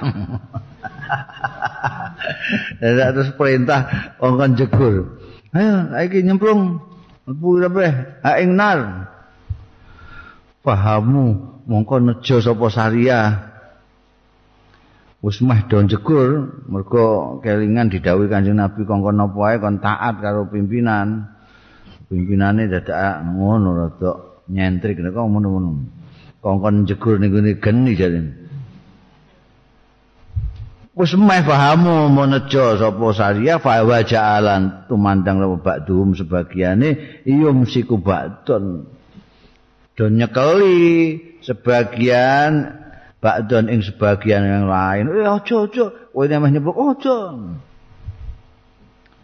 Ya kuluna terus padha celatu sapa wong-wong iki saria farolna ilan nabi minanar kita melayu ilan nabi maring kanjeng nabi sallallahu alaihi wasallam minanar saking geni kok. Awake dhewe melok kanjeng nabi kok perkara wedi geni neraka? Oh kene saiki malah nyemplung iku mamam eh piye kok dadi awake dhewe melok kanjeng nabi? Iku merga wedi karo geni neraka. Saiki kok malah dikongkon nyemplung geni piye? Durung tekan akhirat. Pamazalu monggo lagi gingsir-gingsir syariah iku tarik-tarikan kaya ngono. Kata komadat sampai meletus mati apa anaru genine. Mergo gegeran terus akhirnya mati karepe dhewe genine asakana. Monggo lerem apa godobu muring-muringe. Iki mau mergo ini muring-muring. Bono apa terus gregeten terus anak buahe dikonokno iku. Bareng wis lerem muring-muringe. Bakal nabi lan sampai ya rajul mau an nabi ya.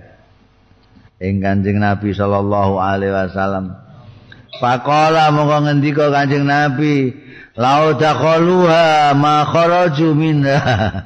Kok lamuna njegur tenan mlebu kabeh syariah iku hak ing nar mau ya ma kharaju wis ora metu-metu blas pindah saka nar ila yaumil kiamati tumekaning dina kiamat ning neraka terus kobong terus pokoke nek mau gelem. Atau atu utawi taat iku fi ma'ruf ma'rufi ing dalem ma'ruf. La ta'ata li makhlukin fi maksiatil khaliq. Sing apik-apik. Ora kena. Kowe naati sesuatu yang tidak ma'ruf. Najan kowe misale kudu taat karo wong tuamu karo gurumu. Tapi ujug-ujug kok gurumu ngongkon isa ini jeding. Ya isa ini jeding iku. Sapa ni sapa terus jegur sumur. Ya ya aja. Iku iku dudu makruf sing makruf iku sing ditaati.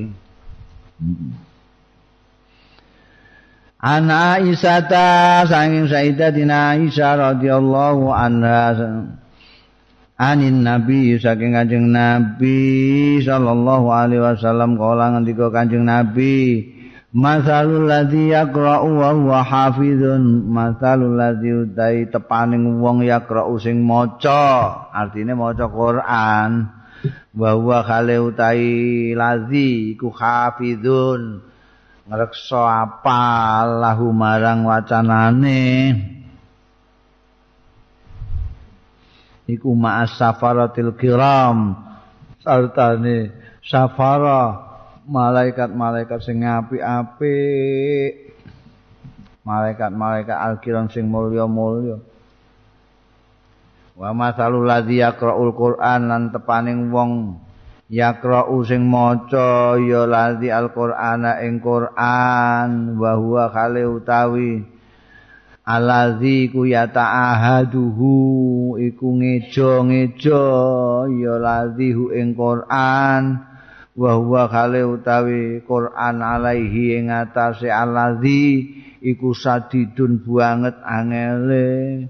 Palahu mongko iku keduwe allazi ajroni utawi ganjalan loro. Oh, ngono iki maca Quran iku piye ae kondisine wong iku tetep enak. Dadi wong sing maca mergo ndekne wis hafal wis lancar maca Quran iki engko ning kono bareng-bareng karo malaikat bareng-bareng karo wong sing apik-apik lah nek sing macane rada kangelan in inna inna angel kabeh. Iki malah ganjarane loro. Hmm. ganjarane loro. Ganjaran maca Quran wae ganjarane kangelan ngeja iku Gusti Allah yang mulai ngono. Ana Ibnu Mas'udin Abdullah bin Mas'ud. Kala ngendika Abdullah bin Mas'ud kala Nabi ngendika sapa Kanjeng Nabi sallallahu alaihi wasallam? Mangkara asapane wong sing maca sapa man bil ayataini kelawan ayat loro min akhiri suratil baqarah saking akhire surat baqarah. Lillahi ma fis samawati wa ma fil ard. Antu duma min amzukum mautuhu kafirin. Fi lailatin dalam sewengi. Kafatahu mongko nyukupi apa? Dua ayat mau hu ing wong. Nyukupi ku iso macem-macem nyukupi. Dadi nyukupi kanggo apa? Ngibadah bengi. Ya iso. Nyukupi ngundres Quran cukup. Iku ya iso. Nyukupi saka reridu-reriduning bengi ya iso kafatah. Pengendikane Kanjeng Nabi itu sangat apa namanya luas pengertiane. Mulane sing bakas sebagiane ulama-ulama yang bakas iki kafatah itu piye. Pokoke cukup iku maca lillahi mawi sama itu. Sampai dua ayat yang terakhir dari Baqarah wa'fu an wa'fir marhamna anta maulana fansurna alal qaumil kafirin mulai lillahi ma fis samawati sampai iku cukup Iku diwaca ku dijazahi Kanjeng Nabi dhewe lho timbangane kowe golek ijazah kiai-kiai gengkaruan mandi. Iku ijazah kok Kanjeng Nabi waca. Eh diwaca nek bengi arep turu diwaca. Ana Aisyah ta sang Siti Aisyah radhiyallahu anha anan nabiyya setune Kanjeng Nabi sallallahu alaihi wasallam kana ana sapa Kanjeng Nabi.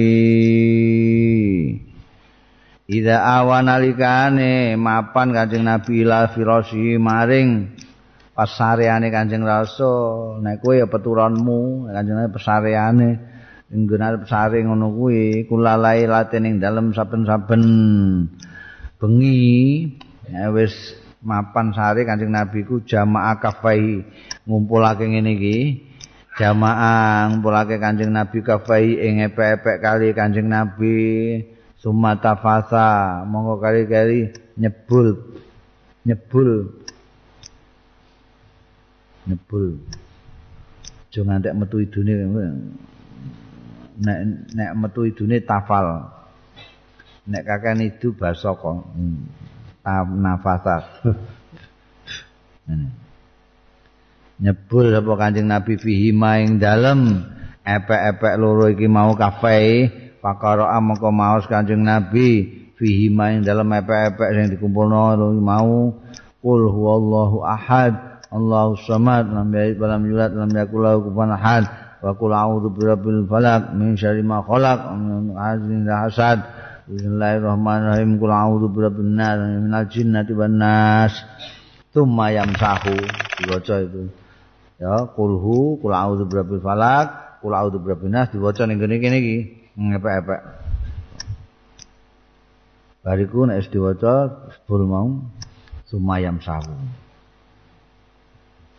Ini nek ning kene disebul sik lagi maca. Sebul sik ping telu terus maca terus sumayam sah. Mongko keri-keri ngusapake sapa Kanjeng Rasul. Bihima kelawan epek-epek loro mau maing barang istato akang mampu Kanjeng Rasul min jasadi saking jasadi Kanjeng Rasul. Dadi dihubungno wis bar maca minal jinnati wan nas terus dasen sira. Sak isamu kabeh mamin istato amin jasadi biya Dimulai saka ndi? Yabda miwiti Kanjeng Nabi bihima kelawan epek-epek loro ala roksihi ing atase sirahe Kanjeng Nabi.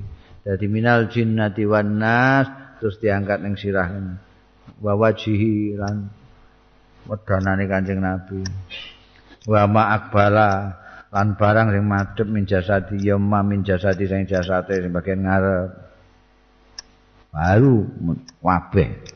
Jadi dimulai sirah, rai, bagian depan, terus seluruh badan. Yaf'alu nindakake apa Kanjeng Nabi zalika ing mengkono mau salah samarot tiga kali diusapno tiga kali. Semeroi kowe turu muangkel anu didohno saka sambi kala. Eh?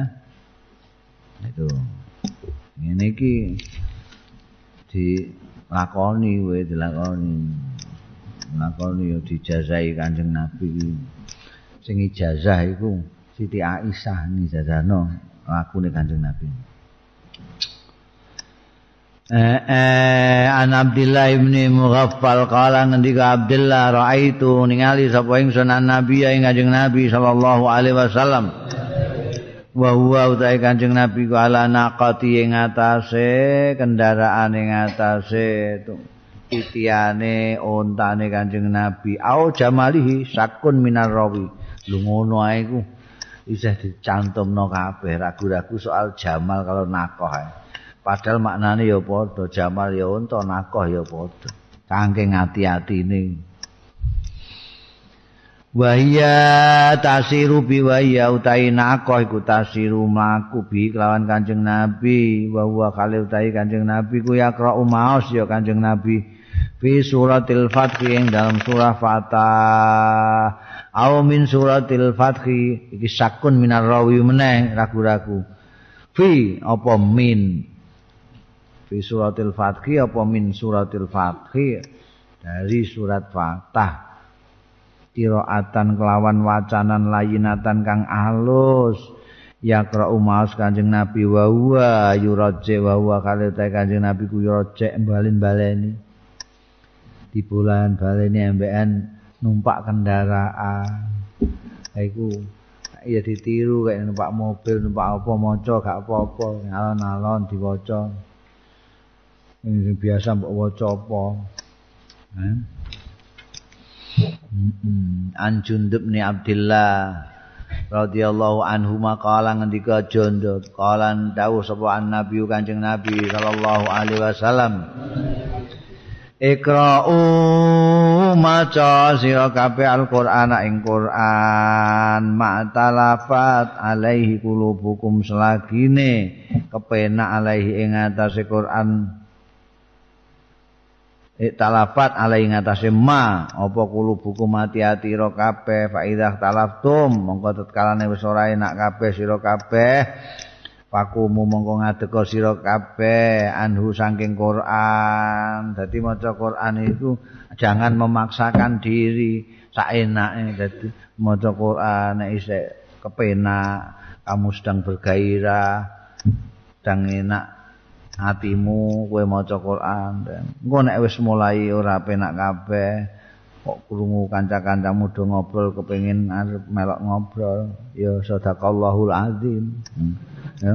Pokoke wis gak enak ya wis jadi jangan memaksakan diri terhadap Al-Qur'an. Maca sing kepenak bergairah. Begitu mulai ana rasa gak enak bosen sak piturute tinggalkan itu aturane maca Quran iku ngono ya. Aja terus ngebut-ngebutan wah kepengin sedina kantam Quran iku terus akhire ilang huruf-hurufe iku. Mesti mbok ngebut. An Abi Hurairah ta An Abi Hurairah wallahu a'lam